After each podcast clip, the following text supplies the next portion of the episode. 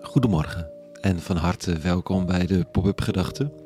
Ik ben Rico en ik schrijf overwegingen om de dag te beginnen.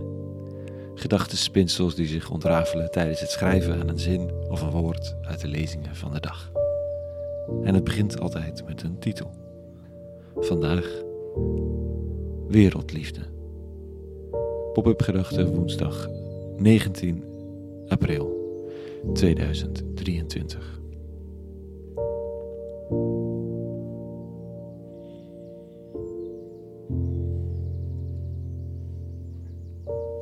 Het is een uitdagende plek, die planeet van ons. De bizarre, bijna absurde schoonheid van sommige plekken. De desolate verwoesting van andere plekken. De liefde voor de ander die door merg en been kan gaan. En de woede en de haat voor een andere ander. Oh, soms dezelfde andere, maar dan meestal op een ander moment. Die je de rode vlekken voor de ogen doet dansen de wil en het verlangen om een goed mens te zijn. En de kwalijke gevolgen van het systematiseren van het beoogde goede, waardoor slachtoffers vallen. Mijn agenda vol taken waar ik in geloof en de moeheid die me met al dat geloven, hopen en liefhebben van, van alles en nog wat soms oplevert. De dagen vol zon en zin en die vol rafels en cynisme en verlies. Het zijn zomaar wat uitersten.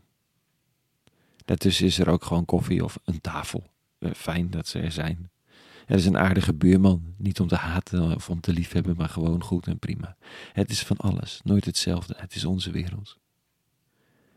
En er schijnt er vooralsnog maar eentje van te zijn in ons heelal, voor zover we kunnen kijken. Oh, en dat is ver, heel ver, vinden we zelf. die wereld?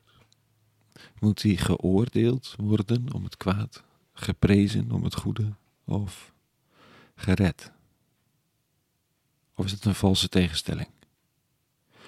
De Messias van Nazareth vond ooit van niet. Hij zei tegen Nicodemus dit vanochtend.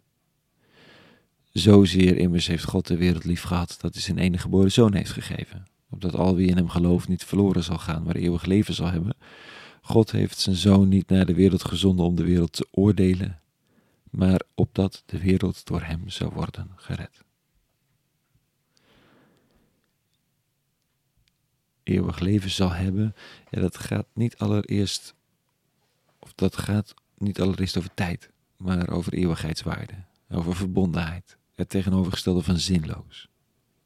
En dan die laatste zin, niet om over de wereld te oordelen, maar om via hem, die zoon, een nieuw perspectief, een nieuwe weg, ademruimte te bieden als aan een drenkeling in zee.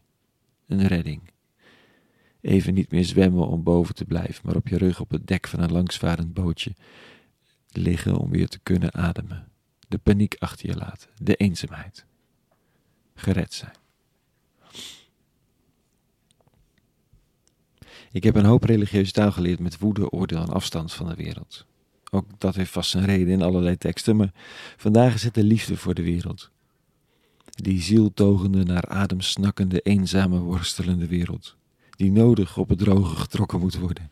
Die een warme handdoek nodig heeft om droog gewreven te worden. Een thermodekentje en een kop warme thee. Heeft wel een borrel, maar daar moet je een beetje mee oppassen. Wat is goed, wat is fout? Waarom ligt die wereld daar te verdrinken? Wie heeft dat gedaan en waarom? En is het zijn eigen schuld? Op zee is het niet relevant. Hè? Zeerecht is universeel, misschien wel een tikje goddelijk. Wie dreigt te sterven in de golven moet worden gered. Punt. En blijkbaar heeft ons aardbolletje dat nodig. Waarvan gered? Waar dreigt de zin onder te gaan? Nou, in het kader van zijn gesprekspartner, de religieuze Nicodemus, eh, misschien wel dit: gered worden van het te goed willen doen van de zweep, de religieuze zweep die erover gaat om de mensen aan te sporen toch vooral binnen de lijnen van de wet te blijven. En wie eruit stapt, ja, daar zwaait wat. Het is het te goed willen doen dat de mensheid zo vaak nekt. Gisteren noemde ik al Pol Pot. Die wilde het in duivelse zin veel te goed doen met zijn boerenheilstaat. Goed, dat is misschien wat ver weg van het bed, maar het te goed willen doen, uit vrees voor het oordeel. Het oordeel dat verwacht wordt van de man van Nazareth, maar wat die dus niet kon brengen. Dat te goed willen doen, nekt ons zomaar. Oh, het nekt de rabbi ook, het kost hem zijn leven. Het kost de eeuwige zelf. Het leven, de mens die het te goed wil doen. Die er dan met een delen in slaagt, die hard trappelt, harder zwemt, naar dieper water afdrijft en daar de paniek voelt opkomen en een ander soms onderduwt om zelf maar niet te verdrinken. Redding is geen oordeel. Redding is een hand die je worsteling ziet en uitnodigt om even daaruit te stappen, uit die redrace. Niet die van het kwaad en het egoïsme, de veronderstelde slechte mens, veel pijnlijker eigenlijk, die van het te goed willen doen. Laat me zitten. Breek brood, drink wijn. Laat je aan je hand uit die worsteling trekken. Sla een deken om, neem een borrel of een stukje brood. Het is goed zo. De zon is opgekomen. Een nieuwe dag begint.